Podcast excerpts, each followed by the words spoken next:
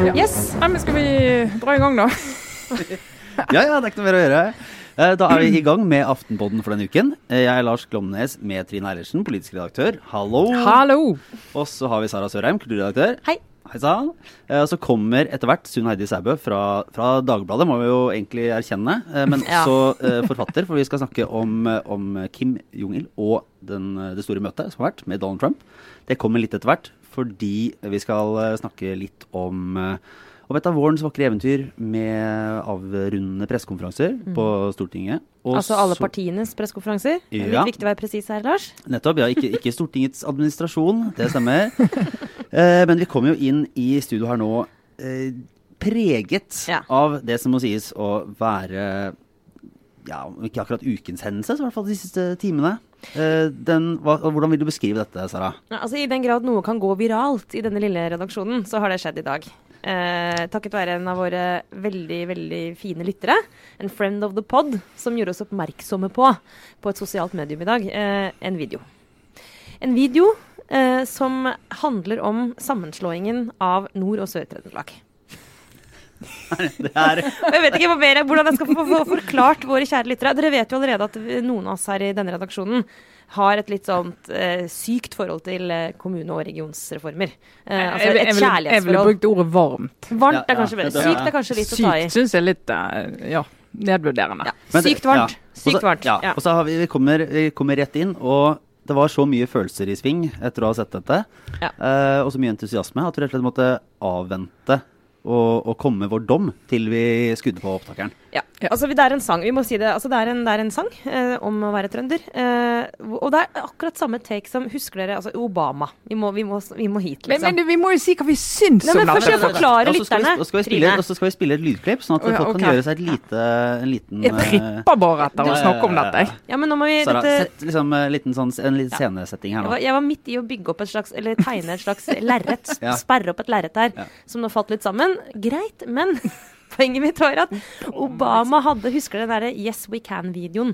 Hvor han fikk masse kjente folk til å synge deler, altså hver sin strofe. Blant annet Scarlett uh, Johansen, er det den heter? Uh, masse kjente musikere. Bare, Det gamle Live Aid-trikset. yes, og det var i svart-hvitt, alle så dritbra ut, og det var helt sånn gåsehud. Nå, Har endelig trønderne gjort det samme? har trønderne gjort det samme. En video hvor alle kjendisene fra Trøndelag, det er overraskende mange, pluss et passe knippe vanlige folk, eh, synger sammen en sang om å være ikke nordtrønder, ikke sørtrønder, men trønder. Ja. Vi setter på en eh, liten bit av det her. Ikke så altfor lenge, eh, men hør.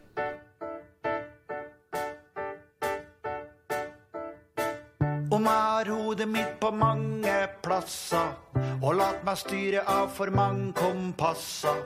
Om jeg har ramla sammen, falt ned, har jeg reist meg opp for det. Om jeg har drømt meg bort til av festa, har ikke dratt min kos, men blitt ved lesta. Om jeg har famla gæli av sted, er jeg her jeg er med. Og er man sammen, blir man enda større. Å flytte grensa handler om å tørre. Tørre å stå sammen som man er. Jeg er trønder. Et eple rett ved stammen skjær meg over samme kamme. Jeg er trønder. Og så, Trine Eilertsen, Nå! et ja. lille stykke radiokunst. Ja, dette har du Vet du hva, jeg elsker den videoen. Jeg bare elsker den videoen. Det, bare, det gikk, det, jeg fikk gåsehud. Jeg satt og tenkte For et kunstverk! Ja, dette må jeg si. Her, regionreformen som alle ler av. Og det kan jeg langt på vei forstå. Men Trøndelag, Trøndelagsfylkene sin sammenslåing er jo en suksess. Det er jo virkelig, De har, de har liksom gjort alt det som alle ønsket at alle andre skulle gjøre. Og som vestlending så sitter der med det derre lappeteppet av et regionutfall som vi har fått der borte, med helt meningsløse navnet på mitt gamle fylke Hordaland og Sogn og Fjordane. Sitte og se på dette. Jeg vet hva, For første gang i mitt liv så kjente jeg jeg skulle ønske jeg var litt trønder. Jeg, skulle ønske, jeg har jo liksom sett på Trøndelag som en sånn, hva skal jeg si, en mellomlanding. En teipbit mellom Nord-Norge og Sør-Norge. En, en parentes, et, et stoppested. Rasteplass. Og nå mener jeg trønderne bare står frem. Som hjertet av Ja, Norge. vet Ja, du, dette var bra. Du, Ville du vært med? Du må muligens regnes som en kjendis på Vestlandet, Trine. Ville du vært med på en sånn sang oh, U Vestland? ja. Uten å blunke. Ja, men om Vestland. Nei, ikke om Vestland. Men om, men om Vestlandet, hvis vi hadde hatt med hele regionen, hadde ikke nølt. Hadde elska å være stolt. Vært. Hvem, hvem er det du ville gått Hvis du skulle gått sånn litt Ikke, ikke hånd i hånd eller arm i arm, men for det er noen steder der folk går litt sånn ved siden av hverandre og litt, eh, kasta sammen et par kjendiser. Hvem, er- hvem ville du hatt ved siden av deg? Nei, hvem ville jeg hatt siden av? Måtte jo vært Hans-Wilhelm Steinfeld eller David Vatne, det, da. Det er mulig de Ja, nei, det Å gud, det må det faktisk lages. Trude Drevland eventuelt. Ja. Hva syns du, Lars? Jeg vil hatt eh, Altså, Kygo er han er fra Bergen. Kygo, nei. Ja, Ja. ja, ja. ja, ja, Trine ja. Eilertsen og Kygoen. Absolutt. Absolutt. Eller han der, eh, han som vant eh, OL-gull i skøyter. Ja. Ja, Kristoffer Hå- eh, eh, Håkon Nei, herregud, jeg husker ikke. Nei, dette var Sivertsen. Ja. Vi, vi får skylde Ja. på euforien, eller Trine Men- får skylde men, på Sara, euforien. du da? Ja. Nei. Jeg er veldig er... spent på jeg, jeg, jeg var, Det var helt 50-50 om, eh, om du kom til å like den her, eh, Trine. Ja. Jeg var veldig, eh, det er fortsatt 50-50. Ja, det som er, er at eh, jeg har aldri noensinne sett en sånn eh, produksjon på et sosialt medium laget av et kommunalt, fylkeskommunalt eller statlig organ, som har vært, eller, eller en uh, politiker à la Jan Bøhler, som har vært noe annet enn pinlig. Til nød bare kjedelig. Så jeg gikk jo inn i dette her med en helt sånn klassisk eh, arrogant eh, holdning, rett og slett. Urban distanse. Ja, tenkte hva ville den urbane metoo-eliten tenke om dette? Eller Latterliggjøre det, trodde jeg. Og så må jeg bare dessverre, holdt jeg på å si. Eller jeg må bare innrømme at jeg elsker den. jeg syns den er så fin. Jeg synes Det er så koselig gåsehudfremkallende å se. Jeg tenker at herregud, det er sånn man skal gjøre det. Og den der, eh, hele poenget med sangen er jo at vi er sterkere sammen. Og det, Og det, dette er jo. vet du hva, et bedre argument for regionreform. Jeg har ikke hørt det noensinne. Nei, så det, det var, jeg, jeg venta Jeg trodde det var Jan Bøhlers rockelåt. Da jeg gikk inn i det, det var sånn derre OK. Jeg Stålsatte meg og bygde opp all den der, så mye mur som var mulig. Men, men eh, Og det var en del kleine ting der. Det er jo, Ja, det var ikke det er ukleint, for å men si det sånn. den er, Den er ærlig på sin eh, Altså på, på hvor, der den nærmer seg parodien og, og klisjeen. Men den var ganske fin, da. ja, og det fineste var jo når Ane Dahl. Torp, Ane Dahl Torp som jo er fra Som i hvert fall bor i Oslo Ja, men hun er litt oppvokst i Trøndelag. Hun sto jo fram som Helena Mikkelsen Ja, fra. Heimebane. Hun var der i karakter. Og var hun nydelig. sa sånn Til og med jeg er trønder. Så litt sånn biska og sur ut, sånn som hun For en, gjør. for en oppreisning for Trøndelag etter Ja, denne politiske eh, helvetesvinteren. Ja. Dette er, dette er det beste som har skjedd i Trøndelag på, ja, i manns minne. Ja, da vil jeg bare legge til, da, for å være litt sånn bisk og sur tross alt, at det, det var på tide. Fordi utover det så har de ikke bidratt så innmari konstruktivt i den norske samfunnsdebatten siste året, si. Så det var jo flott. Men de kan jo eventuelt vurdere å rive seg helt løs, da. Nå som de har det så flott sammen der oppe i Trøndelag. Og om de bare skulle ta seg en liten vurdering på om det skulle bare bli et eget land. Det, men, men det det- kan vi ta neste skritt Men, i så fall. men så går det jo an en liten advarsel kanskje mot alle kommuner som har slått seg sammen. Og ikke sikkert alle skal ta det samme grepet. Det er ikke sikkert alle kommunene som har slått seg sammen, skal gjøre det samme. Og det hjelper jo å ha f.eks. Mona Gruth da, å spille på, hvis du Ja, først og skal lage sånn video. Og han er herlig, han Ulf i Tre små kinesere, som Ja. er, han har så herlig stemme. Jeg bare, å, jeg ble så glad når han dukket opp, tenkte jeg. Trøndelag, altså. Saker. Å, det er så fint. Men uh, før, vi, før vi går i gang med, med litt Men mer Lars, du må si helt kort om du syns den var fin, du òg, eller? Ja, ja, ja, ja, ja. Ja, lik, du likte han, sant? Ja, ja, ja. Ja, ja, ja. jobba, jeg, var, den jobba mot uh, instinktene mine uh, hele veien. Eh, og Men, men, kanskje, du, men du ga deg hen? Ja, eller på et tidspunkt så, så jeg også fikk litt sånn uh, gåsehud av den. Og det, da tenker jeg at jeg kan ikke argumentere mot deg. Det er, det er et eller annet En fysisk reaksjon. Det, det, er ikke, eh, det er ikke rasjonelt, det er emosjonelt. Ja. Og alt som har med region og kommune å gjøre, er jo veldig emosjonelt. Og det må vi aldri glemme. Og så er begrunnelsene veldig rasjonelle. Reaksjonene er emosjonelle. Takk. For en vakker liten sammenkobling til noe, eh, noe politisk relevant. Eh, Vi, skal, vi skal videre til, eh, til norsk eh, mer kjernepolitikk. Men først så må vi jo bare takke alle de som kom på livepodkasten livepodkasten Ja. på Rockefeller forrige uke. Vet dere hva, Vi må ikke i ren begeistring over en sammen, fylkessammenslåingshit glemme at vi hadde jo den hittil morsomste dagen på jobben i forrige uke. Det var Ja. Tusen hjertelig takk for dere som kom til Rockefeller. Det var utrolig morsomt. Og vi Ja, får lyst til å gjøre det igjen. Ja, og det er så hyggelig å se, se eh, ekte mennesker. Uh, og man, vi, vi prøver jo egentlig å tenke at ingen hører på det vi holder på med. Uh, fordi det, er liksom komfortabelt å ha denne lille salongen her vi kan prate om uh, det vi interesserer oss for. Når, det, når det er sånn stappfullt Rockefeller, og det er sånn svartebørshandel som for, forhåpentligvis holdt seg innenfor lovens grenser og ikke Ja ja. Ikke gikk innom Albania, liksom. Ja, ikke sant? Så det var ikke noe profitt og falske billetter og den slags surr. Mm.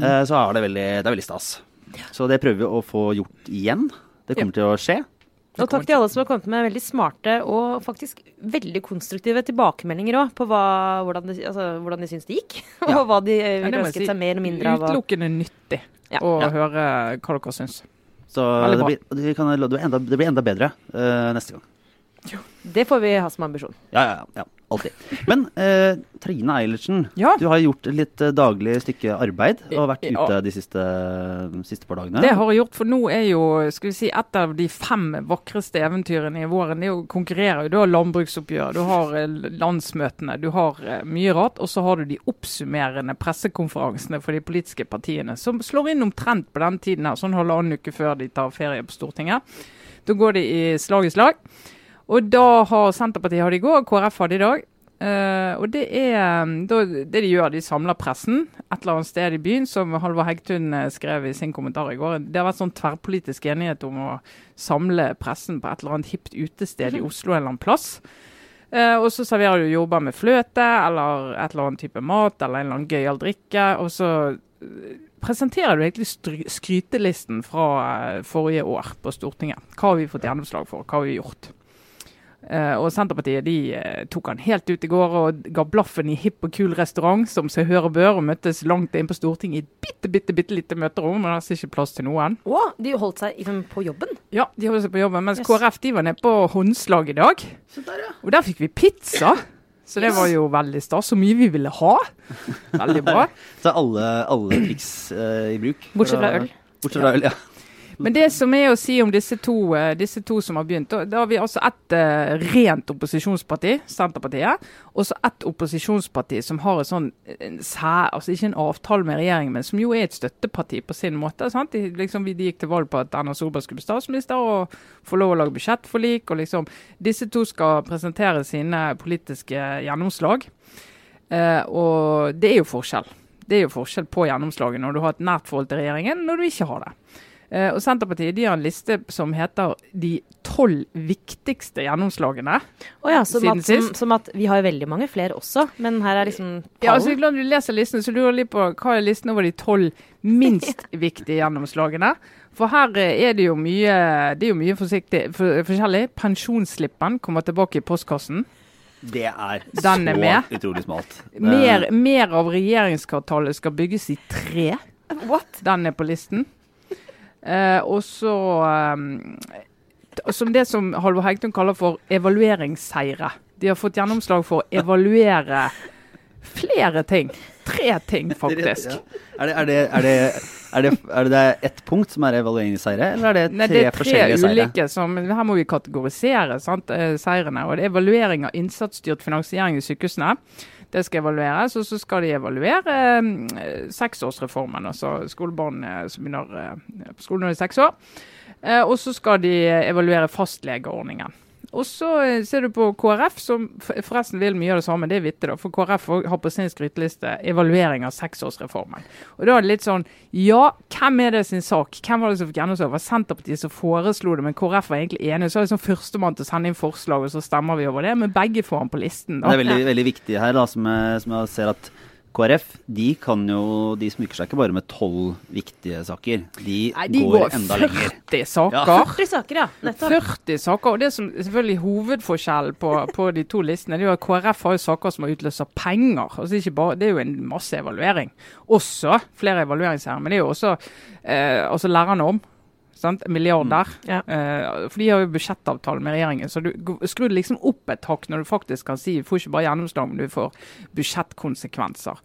Og de har fått eh, gjennomslag på bistand, flyktninger og en del sånne ting som de nesten ikke får mulighet til å snakke om. Fordi at, og det er interessant.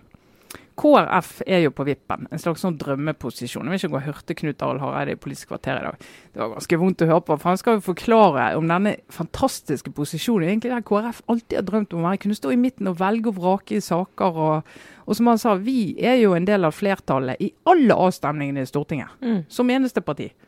Sånn? De er alltid med på vinnerlaget, uansett avstemning. Og så skulle du tenke at velgerne deres tenker men de, de får jo kanongjennomslag. Og så er oppslutningen omtrent eksakt like dårlig som var på valgdagen. og, og så er det litt sånn ja, men vi, vi, og det er helt riktig. De sprer seg så tynt. Sånn, fordi at de er på vippen, så må vi forholde seg til alle saker. Og sånn som vi har snakket om før, Nå er Stortinget så utrolig aktivt. Og det er masse Dokument 8-forslag, masse forslag, mer eller mindre gjennomtenkt. Men de er nødt til å ta stilling til det, for de er tunge på vektskålen. Så de holder på å jobbe seg i hjel. Det har jeg ikke tenkt på. Det er utrolig Men å å nei! Og da, og da blir jo de litt sånn, litt sånn som Snorre Valen og, og, og Torbjørn Røe Isaksen snakket om i poden vår på, på Rockefeller. At det, det- det går dårlig, og så tenker du du må stille opp på alt og bare vise og kommunisere og holde på. Bare jobbe. Men, og de har jo ikke noe valg. De må det. Så nå sprinter ingen som vet at, at KrF egentlig har fått kjempegjennomslag på bistand og flyktninger. Fordi de må mene om alt. Så plutselig så står de frem og sier at vi skal avskaffe dødsgebyret. Dødsgebyret!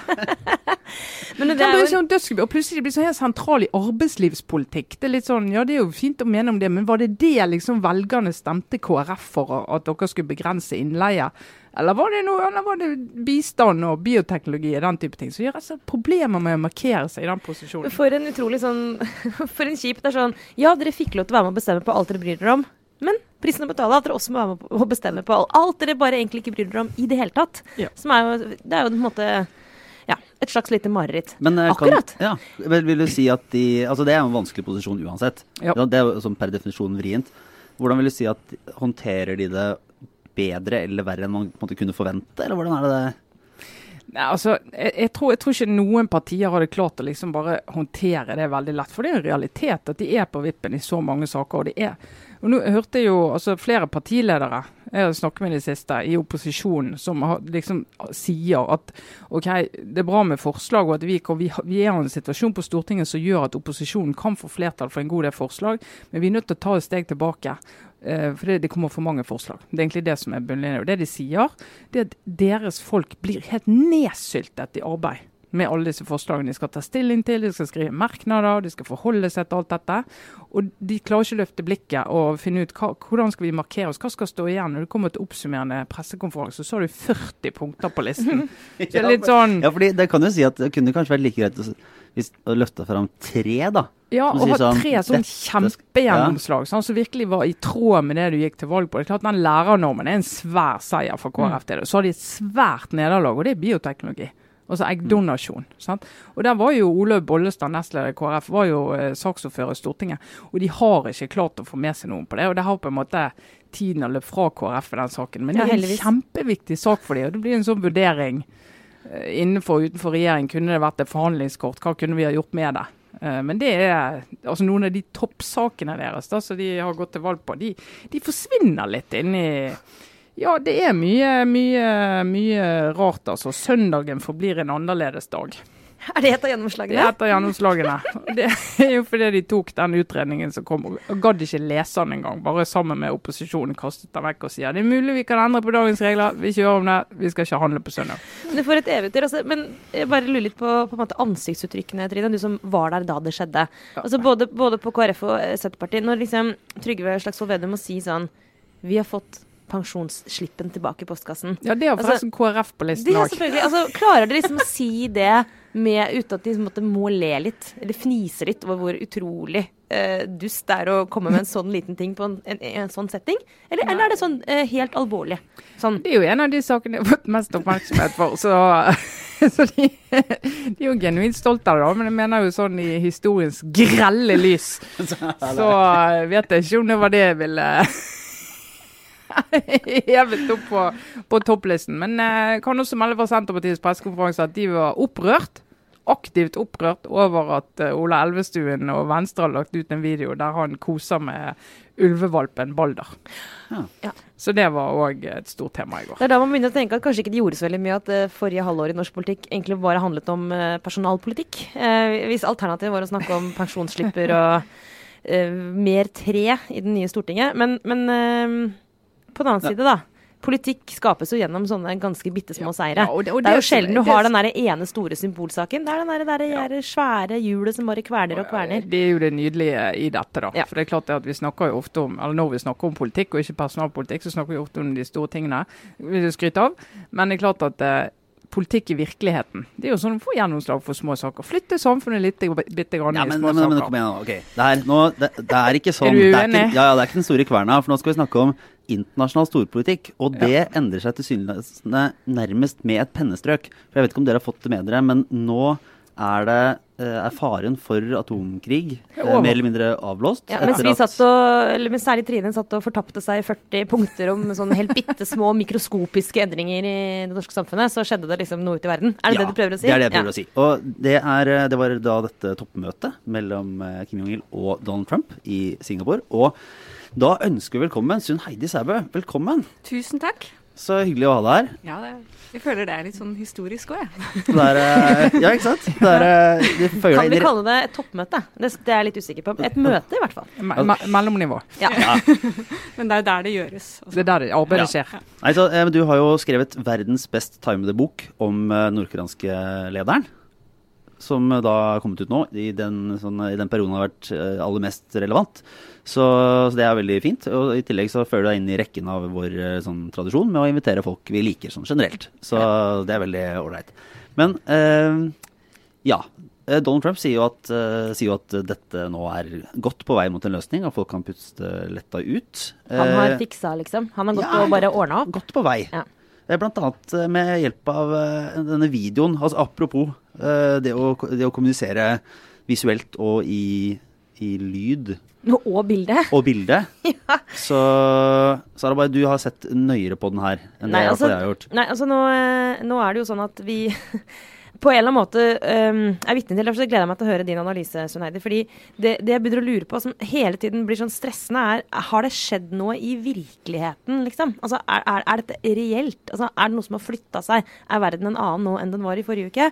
Eller er det vi er vitne til nå, liksom bare et slags teater? Bare sånn kulisseoverfladisk greie? Og, og det siste, den følelsen utløses jo annet av, av, utløses av den filmen som Trump har fått laget, som ser ut som en slags sånn Hollywood-trailer, eh, med en sånn eh, stemme som sier sånn Two men, two leaders, one world, one future. Eh, og så er det klippet sammen bilder av Trump og, og Kim, og så med liksom veldig ly lykkelige, glade mennesker som lever i et demokrati, et vestlighet. Eh, og så slutter det, eller på slutten så er det sånn Now he can choose. Og så er det litt sånn Enten velger han da fredens vei eh, og får Nord-Korea over i et sånt eh, demokratisk, vestlig en sånn type verden, eller så på en måte bare slutter filmen i sånn svart, sånn skummel sånn Noe som smelter og blir mørkt og jævlig. Og det er liksom alternativet. Ja. Ja.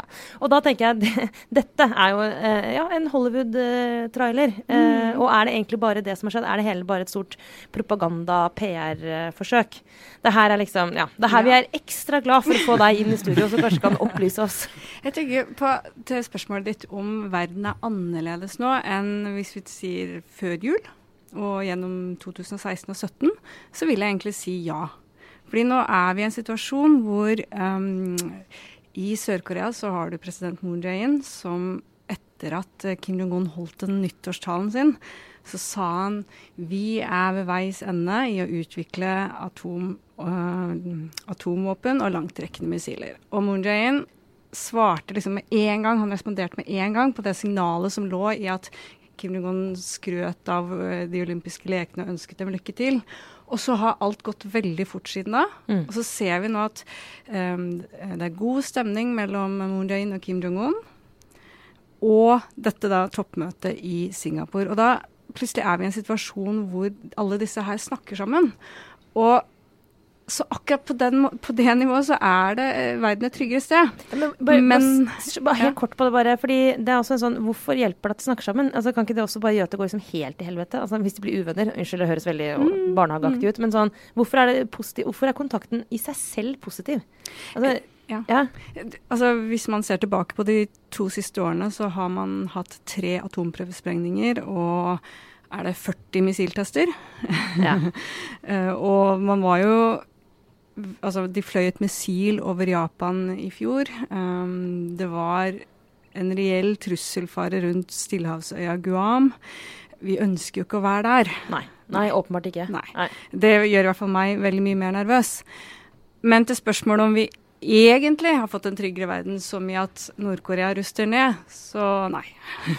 Ja, fordi, ja. ja. Nei, bare, bare tenk, for det er jo Når vi havner her akkurat når vi gjør, så kan jo det forklares sikkert på flere måter. Og noen, særlig Trump, vil jo mene at dette handler om eh, personene som sitter ved makten akkurat nå. Det handler om personlig kjemi. Eh, men i hva grad handler dette om at eh, Sør-Korea har den lederen de har, USA har Trump akkurat nå, og at Nord-Korea har et behov for at noe skal skje? At noe skal skje med omverdenen. Altså, de er utsatt for tunge sanksjoner.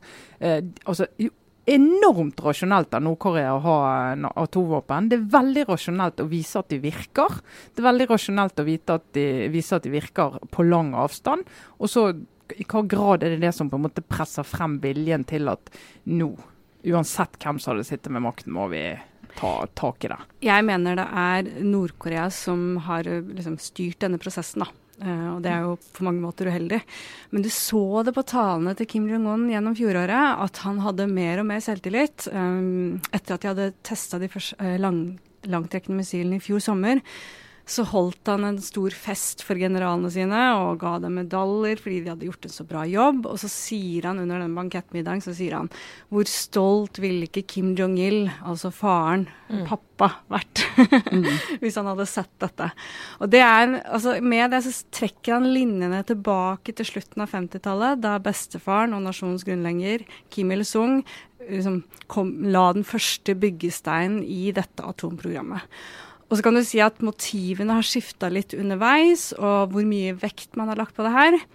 En mulig tolkning er jo at sant, da Kim Il-sung tok initiativet til det her samarbeidet med Sovjet, fikk en forskningsreaktor og sånn, så var det mer med tanke på Han klarte ikke helt å legge fra seg den ambisjonen om at han skulle gjenforene Korea, f.eks. Så kanskje var det litt derfor de ville ha atomvåpen.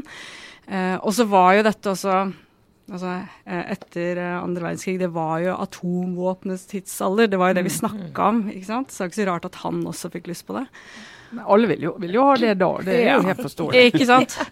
Og så under Kim Jong-il, eh, sønnen hans, som tok over og styrte på 90-tallet og utover på 2000-tallet, så snakket man litt om at han brukte atomvåpenprogrammet mer som en forhandlingsbrikke.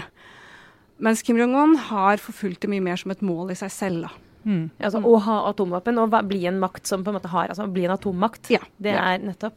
Men, det, men det, er jo, det er jo litt vanskelig å, å vite, åpenbart. Men når Kim drar tilbake til Nord-Korea nå, altså hvor, hva slags, hvordan, vet du noe om hvordan, eh, hvordan det ser ut? Hva han nå sier til liksom, sitt folk, eller hvordan det er spilt opp der? For nå Dette Trump står og slår seg på brystet og er eh, liksom eh, Dette feiler feirer de stort. Um, og de ordlegger seg på den måten at det er Donald Trump som har gått med på den store lederens uh, de grepene han har tatt. da. Så at de snur litt på det sånn sett. Eller kanskje de ikke snur på det, egentlig. For det er jo det jeg sier, at egentlig mange- så er det han som uh, sitter med kortene og, og ja. Det er mange her som ser det på samme måten. Mm. At det er jo han som har, uh, regissert dette. Ja. På, så, sånn som han kunne gjøre det. Ja. Men det som forbauser meg jo veldig, da, er jo Altså, har, i den lange, kronglete historien om å få til en avtale rundt Nord-Koreas atomprogram, så er det jo ikke mangel på avtaler. Det er mange. Det har vært mange opp igjennom. Og man har brukt månedsvis og år på å komme frem til en tekst som begge, alle partene forstår, og man har vært nøye med å prøve å tidfeste krav for nedbygging av atomprogrammet, og så skal Nord-Korea få noe tilbake. Gjerne råolje og lettvannsreaktor og sånne ting. Sånn, sånn, altså det er liksom veldig sånn prinsipper om gjensidighet, da. Og så ser man denne avtalen som Trump legger fram, som jo egentlig ikke har noen sånne krav, og som er så vag og så innholdsløs. Um, og hvor han henviser til den eh, Panmunjom-erklæringen, som da, da president Moon og Kim Jong-un møttes i, i Panmunjom i slutten av april, så viser denne ukes avtale til den avtalen som ble inngått da, som igjen bare viser til tidligere vage formuleringer om at Nord-Korea At man skal jobbe mot nedrustning. Det er Ja, det er ganske vagt. Det er en nesten en klassisk sånn Ja. utrednings... eh, bli enige om å utrede noe. Ja. En evalueringsseier. eh. Ja, rett på lista til inn der. Men det er jo, det jo eh, i hvert fall vært diskutert i, i, i USA i opp, oppkjøringen til dette møtet, at Trump har gått for langt i å sikre eh, at eh, Kim skal få lov å fortsette å styre. Det var et parallell til, eh, til Mohammed Gaddafi. Der du kan si Kortversjonen var at Muhammad Gaddafi hadde våpen som Vesten ikke ville han skulle ha. Fikk en forhandling, fikk ut våpnene. Og da mistet han på en måte sin trussel eh, mot, eh, mot omverdenen, og ikke minst Israel. Eh, og så kunne, når da opprøret kom mot han i forbindelse med arabiske våren, og, og, han begynte truet med å angripe sine egne innbyggere, så kom jo bombingen eh, av Libya. Han var det jo ingen som eh, var særlig opptatt av skulle klare seg etter det. Han hadde ingen kort å spille med. og det ble litt sånn Opprøret kom, han var helt alene. Ingen tok vare på han, og han ble slaktet, banket og ydmyket på det verste. Og at det skal være Kim sin største frykt, at det skal kunne skje der. Og dette har amerikanerne vært klar over. Ja. Eh, og Derfor så har Trump gått langt i å si at han skal ikke oppleve det som Gaddafi opplevde. ja. Nei, han har gitt eh, mye større forsikringer enn det han, han, han, han burde. Og bare det å gi dette møtet er jo i seg selv en stor seier for Kim Jong-un. Um, men det er interessant det du sier med Gaddafi, fordi um, til den boka um, som jeg har skrevet, så intervjua jeg en høytstående diplomat i Sør-Korea. Um, og han fortalte meg da i, uh, i høsten 2011 så hadde han vært inne i Nord-Korea som del av en delegasjon. De hadde vært rundt og sett på ting, og så sitter de til bords um, om kvelden. Ja, For da var det sånn, det er såpass kontakt at diplomater fra sør kan møte, reise til nord og møte diplomater fra nord, Ja, liksom. det, det skjer ikke så ofte, Nei. så dette, han var veldig høytstående. Ja, jeg skjønner. um, og så um, sitter de og småprater litt rundt middagsbordet, og så forteller han at denne eh, nordkoreanske motparten plutselig veldig brått uh, skifter samtaleemne. Uh, og så sier han Du, vet du hva som kommer til å skje med Muammar Gaddafi? Eh, og hvorpå da den sørkoreanske diplomaten ble veldig sånn Hæ, hva mener du? Så han kommer til å dø fordi han ga opp sine atomvåpen. Og så tenker man OK, uh, men det som skjedde dagen etterpå, da, som denne sørkoreanske diplomaten forteller, er jo at vi står på flyplassen i Pyongyang, og så kommer meldingen om at Muammar Gaddafi er drept av sine opprørere i Sirte. Så det følger greit med på det som skjer. Ja, og det han sier da er at dette satt jo Kim Jong-un og fulgte med på. Og hvis man da følger med på utta- uttalelsene og signalene som har kommet fra Nord-Korea siden den gang, så henviser de stadig til Irak og spesielt da Gaddafi. Så det er nettopp så Du trenger ikke å da egentlig ha ja, Det menneskelige, logiske da, er at han kommer aldri til å gi fra seg disse våpnene. Altså ut fra en helt mer sånn Han gjør ikke det. Nei. Han gjør ikke det. Nettopp, hvorfor skulle han det? Ja. Men det jeg tror, da Jeg tror at Kim Jong-un kommer til å drive et type dobbeltspill her nå. For det er, hva skal jeg si, det er ikke sånn enten-eller. Jeg kan, Selv om nå Trump var dum nok til å ikke kreve det, så kan jeg godt se for meg at Nord-Korea i de videre forhandlingene kan gå med på kanskje noen form for inspeksjoner av IAEA. Eh, kanskje noe videre nedbygging av atomanlegg. Nå så, de, så vi at de sprengte noen tunneler ved eh, testanlegget. At vi kan se flere sånne tiltak. Eh, fordi jeg tror at Kim Jong-un på den ene siden er veldig oppriktig at han ønsker en form for eh, garanti og litt stabilitet på Koreahalvøya nå. Har lyst til å konsentrere seg om andre ting. Men det betyr jo ikke altså De sitter på flere anrikingsanlegg. Vi vet ikke hvor mange kjernefiskestridshoder de har nøyaktig, og hvor dette er. Og de har kunnskapen. Så det å få til den um, fullstendige, ugjenkallelige nedrustningen som USA er ute etter, tror jeg ikke kommer til å skje. Men altså, en leder som, eh, som Kim altså du tenker Det finnes jo mange forskjellige ledere i verden, men i hvert fall en god del av de har på et eller annet mer eller mindre skrudd vis, så har de folkets interesser ganske høyt opp på listen. Altså de vil, altså, de vil på en eller annen måte Du vet jo at hvis det går for langt, og du mister folket fullstendig, så voldsomt at du til og med mister de militære eller de rundt deg, så er det kjørt. Altså I hva grad har en leder som Kim sitt folk altså Hva følelser har han for sitt folk og deres interesser? For de lider voldsomt under uh, sanksjoner. Tilsynelatende når jeg ser på talene hans, så er han veldig bevisst på det her. Han snakker mye om ungdommen og til ungdommen i sine taler. Hvor gammel er han sånn cirka? Han er 35, Ja, Han, nettopp. tror jeg. 35, ja. Han skal sitte lenge, med andre ord, hvis det skjer noe uforutsett. Ja.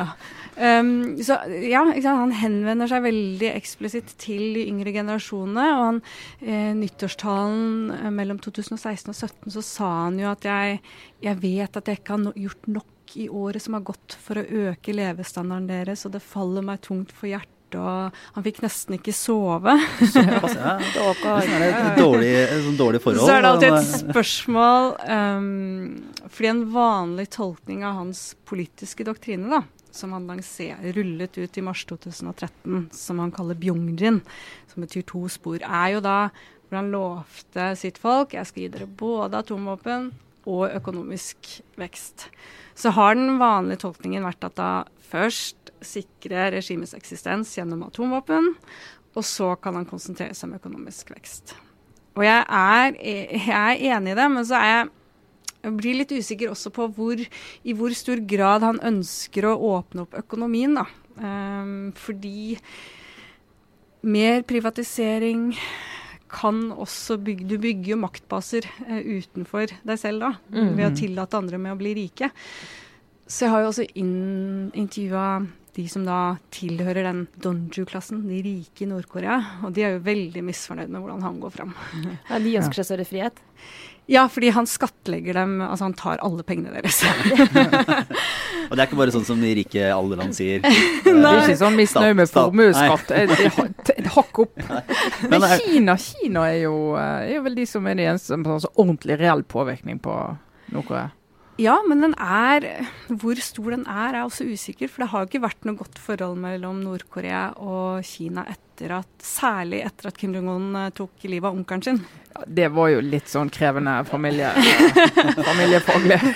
Fordi Jang Song-tek var jo den som hele veien hadde liksom, ivaretatt forholdet til Kina. Så ja, det er jo først nå, etter at dette møtet med Trump kom i stand, at Xi Jinping har tatt seg tid til å møte Kim Jong-un. Og da har han til gjengjeld møtt han to ganger, da. Bare noe litt mer eh, Ja, det, når det dreier seg om sånn, eh, den si, privatiseringen, så kom jo Donald Trump med Han hadde jo visjoner for hva som kunne foregå i Nord-Korea. Han kom med litt- tips, ja, tips til vekst, Ja. veksttips fra Ja. Trump. Den store eiendomsmagnaten kom med Det syns jeg var veldig rørende. Han skrøt jo av det her på pressekonferansen. Sånn, når jeg ser bilder av at du skyter ut missiler, så ser jeg en vakker strand, og jeg ser en nydelig landskap. Du kan ha verdens beste hoteller her, gutten min. Ja, har, du ikke tenkt, har du tenkt på det? Og det syns jeg var veldig søtt, fordi Wonsan, da, som jeg tror Han vet ikke at han sikter til Wonson, men det er det han gjør. eh, er jo et sånn ferieparadis for alle nordkoreanere, og ikke minst Kim-familien selv. Det finnes masse bilder av de barna da de var små, hvor de står på denne stranda. Og det er jo flere år siden Kim Jong-un sendte partitjenestemenn til Spania for å se på disse ferieparadisene. Sånne chartersteder. Ja, charterhelvete, helvete, kanskje. Men, Ja, egentlig. men det er ikke sant? Så han tatt med seg kunnskapen hjem, og de har laget skisser for golfbane, badeland, alt dette her. Eh, Så det er ikke som om han ikke har tenkt på det. Nei, bare, Men, men, men hva tror du, blir det, blir det en eh, pakketur fra Oslo til Pyongyang i vår levetid? Ja. Ja. Det kan jeg godt se for meg. Du ser det for deg? Ja. Ja. Det blir jo en ny, et nytt kapittel i den Ving-katalogen. Eh, Ja. Ja. Nye sider der. Bla gjennom sånn eh, mui og alt de forskjellige stedene. Og så, eller, Og så har du en litt sånn uh, uggen diktator, så du liksom bare prøver å late som ikke er der. Ja. Og så dette er jo en av verdens mest brutale regimer, og det er på en måte Nå er lederen i et av verdens mest brutale regimer står nå på pressekonferanser og talerstoler og holder hender og får en flagg, og er plutselig oppe på A-laget blant internasjonale ledere og snakkes om som en, eh, som Trump sa, very intelligent, very talented. Akkurat det er faktisk litt skammelig. Eh, det er, jeg synes eh, Jan Arild Snoen skrev en eh, kommentar i Minerva i går der han minnet om hvordan, hvor viktig det var for dissidenter i tidligere Sovjetunionen at, de, at det piplet inn til de eh, der de satt i fangenskap, at Ronald Reagan og andre ledere eh, refset det sovjetiske regimet. Er en støtte for de, og du tenker på disse dissidentene i Nord-Korea, de som har rømt fra Nord-Korea, de vi vet eh, lider i Nord-Korea. Hvis de nå får en følelse av at ja, nå er Kim inne på en eller annen måte inn i varmen. Nå er det kun sånn dialog mellom de to om litt sånn tekniske nedrustningsting. Mens hvordan det går med de, det er det faktisk ingen som har på agendaen. da. Mm. Det er ganske sterkt. men eh, jeg tror eh, egentlig jeg må holde litt eh, tid på dette her. Eh, For den ene poenget som jeg lurte på, som jeg har sett siden Sunaidi kan alt eh, For det ene var jeg så et bilde som er eh, mye lettere enn av skalaen. Men så et bilde av de to sammen, der altså begge har så ekstremt altså De har fått sydd altså, nesten like dresser. Sånne kjempebreie eh, Buksebein. buksebein. Og så tilsynelatende som blir sånn, som ser ut som føttene er sånn bitte, bitte små. Og eh, Kim Jong-un i Har han høye hæler? Jeg tror det. Ehm, fordi dette var jo Og dette høres veldig banalt ut når vi snakker om det, men jeg syns det forteller noe om at dette til syvende og sist bare er enkeltpersoner også, som også liksom, Og de er forfengelige, og det betyr noe hvordan de framstår i sånne situasjoner. Så det var en diskusjon da han møtte Moon Jae-in i april. Hmm, hadde han innleggsholder? Og det hadde han. uh, og jeg er også ganske sikker på at han hadde det nå da han møtte Trump, fordi Trump er jo egentlig gigantisk. og så ser du når de står ved siden av hverandre at høydeforskjellen er ikke så stor. Hva, da tenker jeg sånn, vet du hva? Så ynkelige. Altså, tenker sånn, Innerst inne er de bare små menn som syns det er kjipt å være Ja, det er litt for derfor det er litt interessant. Og sånn, Kim Jong-un, altså Dette er jo et komplek kompleks i Kim-familien. sånn han ble, Da han var liten, så ble han fortalt at det ville være veldig bra for han å spille basketball, for da ville han bli høyere. Vil han bli høyere, da? Og der kommer sånn Dennis Rodman inn, gamle NBA-stjerna, som nå henger rundt.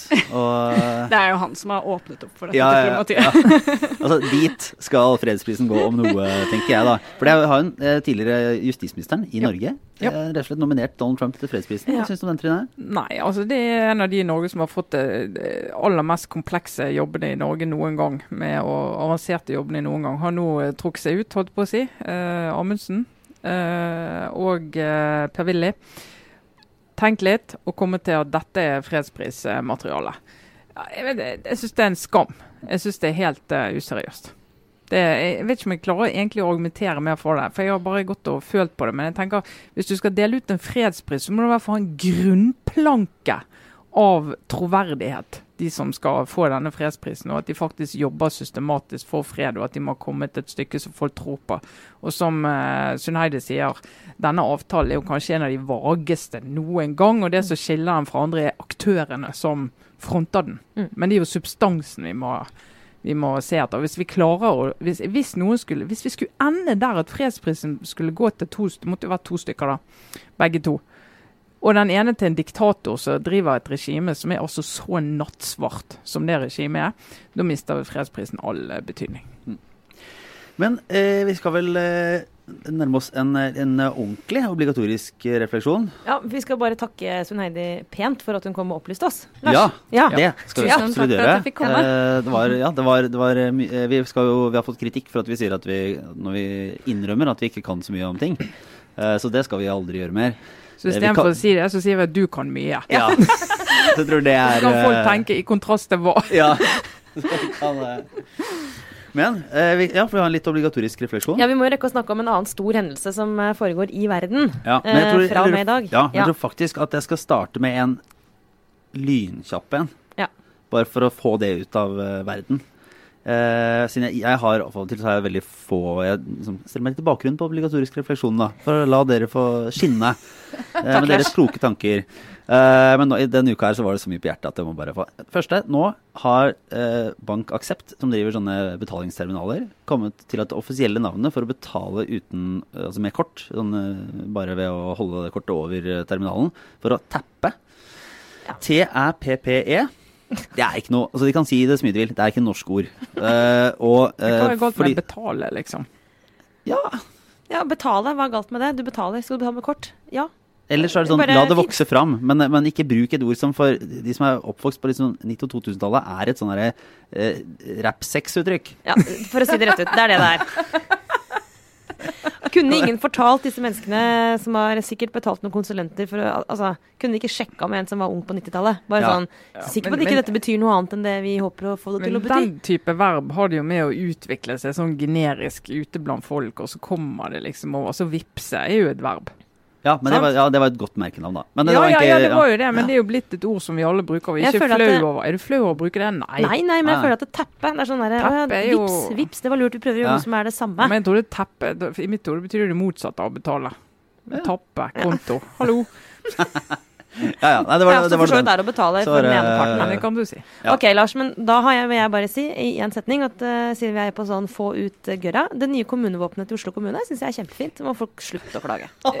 Ja, men det er jo, ja, og dessuten er det en logo, det er ikke et kommunevåpen. Ja. Og det er helt greit at man fikk bort den der nakne dama som uh, lå under Sankt Halvard i det gamle kommunevåpenet. Ærlig talt. Uh, Ja, men er ikke begge med videre, da? Det er sånn jeg har skjønt det. Jo, egentlig. Ja, det er De en sånn brukes i forskjellige sammenhenger, da. ja. Men uansett, altså, da, da ble jeg sånn oppgitt sånn Nå må folk Ingen brydde seg om det kommunevåpenet før vi fikk et nytt. Nå elsker alle det plutselig. Det er sånn Skjerp dere. Ja. Ja. Iboende konservatismen i det norske folk. Ja, den må bekjempes daglig. Ja. Fordi eh, Nei, også det var eh, Det andre, andre lille punktet var bare som en, en slags throwback til forrige, forrige ukes episode, der eh, vi snakket om Virtanen-saken i Sverige. Ja. Og så hørte jeg på en av mine favorittpodkaster i hele verden, Lilla Drevet, som jeg har anbefalt her flere ganger. Og så fikk jeg opplevelsen av å være i ikke bare sånn i et annet land, men i en, en annen verden. For der gikk det altså gjennom denne Oppdrag granskning-dokumentaren som vi snakka om på, i forrige uke. Og det er ikke at den er perfekt eller er sånn, sånn helt åpenbar den beste som fins. Men de hadde en sånn tilnærming som bare viste at de så det fra en helt annen kant. De mente dette var det mest idiotiske som Og som alle var enige. Ja, det Ja. var sånn, dette var bare helt håpløst, og det var ikke noe poeng, og, og alt var dårlig. Og da merka jeg at det er sånn Ja, det var veldig rart, eh, Lars, fordi jeg hadde den samme erfaringen. Jeg hørte på, på det samme avsnittet. Så eh, det er akkurat som det der greiene med Sverige og Norge er sånn Vi er helt like, kunne bare vært samme land. Og så plutselig likevel så dukker det opp en sånn en eller annen form for den, i denne sammenheng en, en, en samtale hvor det bare er helt sånn Hæ? Dette er helt fremmed for meg. Men jeg skjønner ikke hva de snakker om. Og det var den unisone fordømmelsen av denne redaksjonen som har lagd det programmet. Ikke bare at de var kritiske til programmet, men sånn helt sånn liksom, De sa sånne ting som at alle som jobber der, er dumme i hodet, liksom. Eh, og da tenkte jeg hæ? Men, men, men det viser jo også noe om hvor utrolig liksom, opphetet og lada denne, hele dette sakskomplekset er. Og det de jo faktisk reagerte veldig på, og det kan jeg egentlig forstå, det var bare at ordbruken var så voldsom, det er at eh, de mente at um, Oppdrag granskning, da, denne redaksjonen, burde gått inn i den saken eh, med, altså sett på mediedekningen og eventuelt liksom reist en mediekritikk. Men at det de gjorde i det programmet, var egentlig å gå inn i selve sakens kjerne. En litt sånn true crime-tilnærming, hvor de begynte å stille spørsmål ved selve den voldtektsanklagen og hva som skjedde den gangen i 2006. Og det mente de var liksom uverdig, tror jeg, da. Fordi det har politiet Altså, det, det var ikke Da ble hun Sissi Wallin. Uh, som er den ene aktøren her. Hun ble på en måte måtte sitte og forsvare sin anmeldelse og sånt noe. Så, helt relevant kritikk av programmet, uh, for så vidt. Men tonen da tenker jeg sånn, Er det sånn noen hører oss noen ganger? At Ja, var det jeg på. ja. Tenk, tenk, tenk for et, eh, Det var jo opplevd som et tillitsbrudd hvis noen finner ut at kommunereformen egentlig er en skikkelig dårlig idé. Ja, nei. Men nå må vi, må vi, må vi ikke, Nei, må men til, ikke løpe av med oss. Nei, men Til ettertanke og refleksjon Ja. så var det i hvert fall interessant å høre når alle i et rom er helt skjønt enige Ja, om at noen andre folk er idioter. Ja. Og så hører man på selv og tenker ja, men er de det? Ja. det er aldri veldig sympatisk Så, å høre nei. på. Så det var nok en, egentlig- var egentlig en, sånn, en lærdom i at man må, må høre på forskjellige ting og få litt flere synspunkter. For det kan bli helt, eh, helt merkverdig hvis man bare hører det ene og bare kjøper det. Men eh, det store som skjer, selvfølgelig, som kanskje er verdens største begivenhet Ja, Bruker bare et par minutter her på slutten. Ja, dette Det går bra. Nei, har vi- er smia der, eller? Eh, bra, Larsen. er fordi eh, vi snakker om fotball-VM. Det begynner i dag, torsdag. Eh, Fotball-VM er jo det viktigste av alle uviktige ting som skjer. Er viktigere enn ski-VM, eh, vil du si? Nei, jeg, ja, det er viktigere enn ski-VM, men jeg skulle akkurat si at jeg rent personlig er bitte litt usikker på om det også er viktigere enn ski, altså vinter-OL. Oh, som jeg personlig ekstremt setter mye viktigere enn vinter-OL. Men vi tar ikke den, da, for jeg vet at her er jeg et mindretall. Ja. Jeg, bare, jeg vil bare ha det bare for the record. Personlig så tror jeg kanskje vinter-OL er ekstra Men samme det. Nå er det fotball på TV. Det er VM. Og i den anledning har jeg faktisk da som en kulturperson må gjøre, hver gang det er en sånn uh, turnering Jeg har lest to bøker om fotball.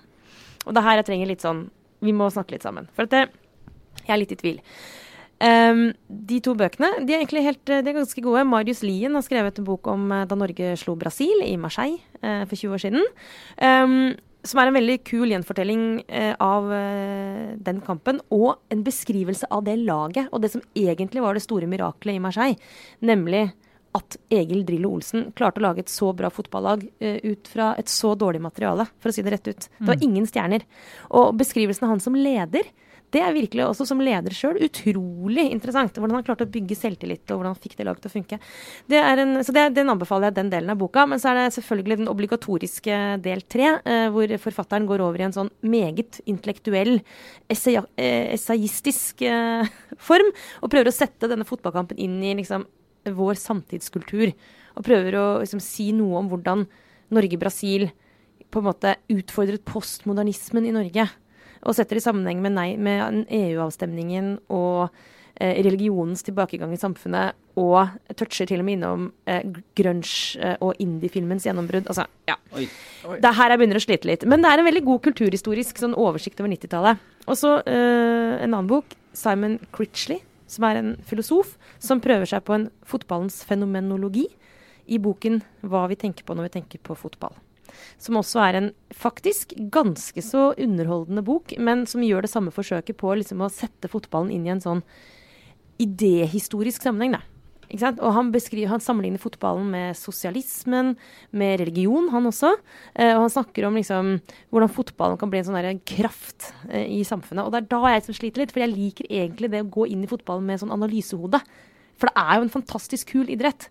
Men på den annen side så blir jeg sånn sliten av sånn Kan vi ikke bare se på er TV jo- og se på kampen og det bare er litt ta en sånn øl? der, den der, hva skal jeg si, sånn kulturmannens appropriasjon av fotballen som en sånn Ja, vi må pakke det inn i mitt begrep for å gjøre det til en sånn Det må være litt mer elite og litt mer snevert og litt mer eh, tenkt. Ja. Det holder ikke i å være, være det det er, å være liksom et friminutt fra det man ellers driver med. Nei, så jeg vet liksom ikke om jeg orker Jeg vet ikke helt om jeg orker å tenke liksom at eh, jeg må forholde meg til det politiske og det intellektuelle aspektet ved en fotballkamp. Det er kanskje noe hele poenget er å liksom slippe det. Men det er jo litt sånn, i Norge er jo fotball er jo en av de ordentlige, kall det klasseløse arenaene, da. Der, eh, for i Norge er det jo helt umulig å være toppolitiker f.eks., eller være del av såkalte eliten uten å bekjenne seg til et uh, lag. Og da tror jeg en del av de som skal bekjenne seg til dette laget, de klarer ikke å gjøre det uten å intellektualisere litt. For de er jo tross alt ikke bare helt enkle, emosjonelle mennesker. Som jo er helt greit å være. Det er jo enormt greit å være det, å ha noen arenaer der du bare føler. Ser en video fra Trøndelag og kjenner at eh, det er hjernen ute, hjertet på. Det er jo fantastisk. Ja. Må kunne gjøre det. men, det var, eh, men eh, dette har jeg bare fanga opp at du, du ga vel opp fotball-VM litt da du ble for følelsesmessig tilknytta? Ja, for det er jo eh, Jeg var så i 1982 og 1986, så absolutt alle kampene kan nesten fremdeles eh, mange av lagoppstillingene fra VM i 82. eh, var hysterisk opptatt av VM. Um, så kom vi til åttendelsfinalen i 1986. Det var 8. juni.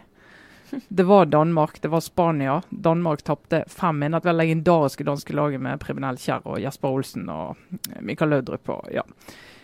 Og det tok, For det første så begynte jeg jo å gråte da vi kom til 3-1. Og så, Dette var på natten, da. Eh, Jeg mener jeg husker det var i Mexico. Så det var jo på natten. Og så var så vidt jeg klarte å slepe meg på skolen dagen etterpå. Hadde en veldig dårlig dag. Og skulle ha klassefest om kvelden hjemme hos læreren vår. Eh, Willy Mjånes. Og jeg var så dårlig humør at jeg eh, klarte egentlig ikke å være på. Så tenkte jeg, vet du hva, du tar det for tungt. Du, du, du, du liksom tar det for alvorlig. Du må ta en pause, for jeg var helt sånn utmattet. Og da tenkte jeg jeg orker ikke, jeg, jeg tror jeg så resten av Ja, jeg så selvfølgelig Brasil og Frankrike. Eh, og altså, Det var jo fantastiske kamper der, men, men det var bare kjente det, det var, gikk helt over styr. Så neste VM kom, så tenkte jeg dette har ikke jeg kapasitet til å holde på med. Så da jeg så på meg nå, Trine forklarte det som en, sånn, som en liten passasje i en sånn Knausgård-roman. Ja. Det året liksom, det man, man gikk gjennom og lå opp om natta. Og det veldig, Ja, nei, Men det her er liksom men. Men poenget er at den, det jeg har kommet fram til, da, er at fotball gjør sånne ting med folk. Og det er helt eh, fantastisk med idrett at det er tilgjengelig for alle. Alle kan ta del av det. Og så må man egentlig velge sjøl om man har lyst til å på en måte fortsette. Og, altså, det plager ikke meg at folk eh, intellektualiserer, det jeg har kommet fram til, da. Eh, eller gjør det politisk, eller diskuterer fotballen på et sånt abstrakt nivå. Faktisk er det til og med ganske underholdende, og deler av de bøkene jeg nevnte nå, f.eks., er kjempemorsomme å lese. Man må bare ikke prakke det på andre. Det er grunnen det. Man må, man må passe på at man ikke liksom Altså det må være helt greit, også som et kulturmenneske, øh, å gå på en fotballpub og bare ta en øl og liksom nekte å snakke om noe annet enn lagoppstilling. ikke måtte si sånn hvilket Hvilken filosof er Ja. eh, Danmark 86? Hvilken Ja, ja, ja. eh, politisk tenker er den eh, egalitære tanken Ja. bak denne Ja, og- formasjonen, det var hallo! Og det må aldri, aldri bli sånn at det ikke er lov å heie på kolonimakten når de møter sine tidligere eh, Skjønner dere? Altså, det er lov å heie på Frankrike, liksom, uansett. Ja, altså, det er sånn, ikke at jeg gjør det for øvrig, men Jeg kommer alltid til å heie på Brasil uansett. ah, Er du, Er du fast, Sånn er Sara? Hæ? Har du et lag? Jeg har et lag, dessverre. Det, så jeg bare egentlig, så jeg følger deg veldig, Trine. Jeg har ikke hatt et hyggelig mesterskap på, så jeg kan huske. Jeg heier på England.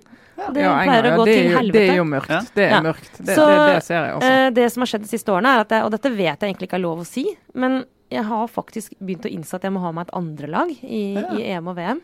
Eh, og da er det sånn at jeg liker nordeuropeisk fotball. Eh, ikke bare liker, I love it. Og jeg hater en del andre typer fotball, f.eks.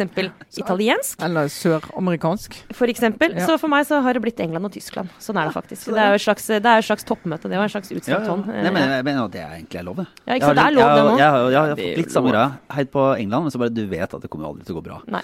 Eh, så da har det vært Ja, Nederland er egentlig det laget som ja, Nederland er alltid Jo, Italia, nå. Italia ydmyket jo Brasil i 82 på en måte som gjorde veldig inntrykk på meg den gangen òg, selvfølgelig. Så jeg var mislikt i Italia og Paolo også i mange, mange mange år.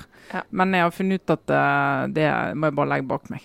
Men nå er vel ikke de uh, veldig Det er ikke, nei, det er jo ikke for å akkurat si det sånn. Men altså, Nederland, for å avslutte, skulle jeg gjerne heid på, faktisk. Jeg har sånn sans for liksom, eh, egentlig fotballfilosofien, for å være litt in- intellektuell. Ja, ja, ja, Der i landet. Totalfotballen, er ikke det den nederlandske oppfinnelsen? Men det er så mange douchebag-spillere på det laget. For eksempel, for å bare nevne bare- Arjen Robben, som gjør at eh, Jeg vet ikke om han spiller lenger nå, men eh, Så det betyr at det laget utgår av rent personlige årsaker. Det Kollektivet er flott, men individene er ikke noe å skryte av. Hvis jeg kan være såpass. Ja. Ja, men- Så dermed gikk, gikk jeg over fra å starte med en sånn intellektuell slags eh, forsøksvis innledning til å ende på det som fotball egentlig handler om, da. Som Ja, er Men følelser. det er følelser. Ja. Men eh, da tar vi og runder av for denne gang. Ja. Vi takker igjen eh, Sunn Heidi Sæbø, som eh, var her og uh, hjalp oss gjennom uh, Korea. Uh, og så er vi tilbake neste uke. Oh, yeah. Vi må jo bare Ja da. Nærmer seg sommer, men eh, det er masse oppsummerende pressekonferanser neste Ja, ja, altså, så- så ja, er det jo det- nok å snakke om. Bare å glede seg. Nei, men eh, supert. Eh, Takk skal dere ha. Trine Eilertsen, Sara Sørheim, jeg er Lars Glomnes. Ha det bra.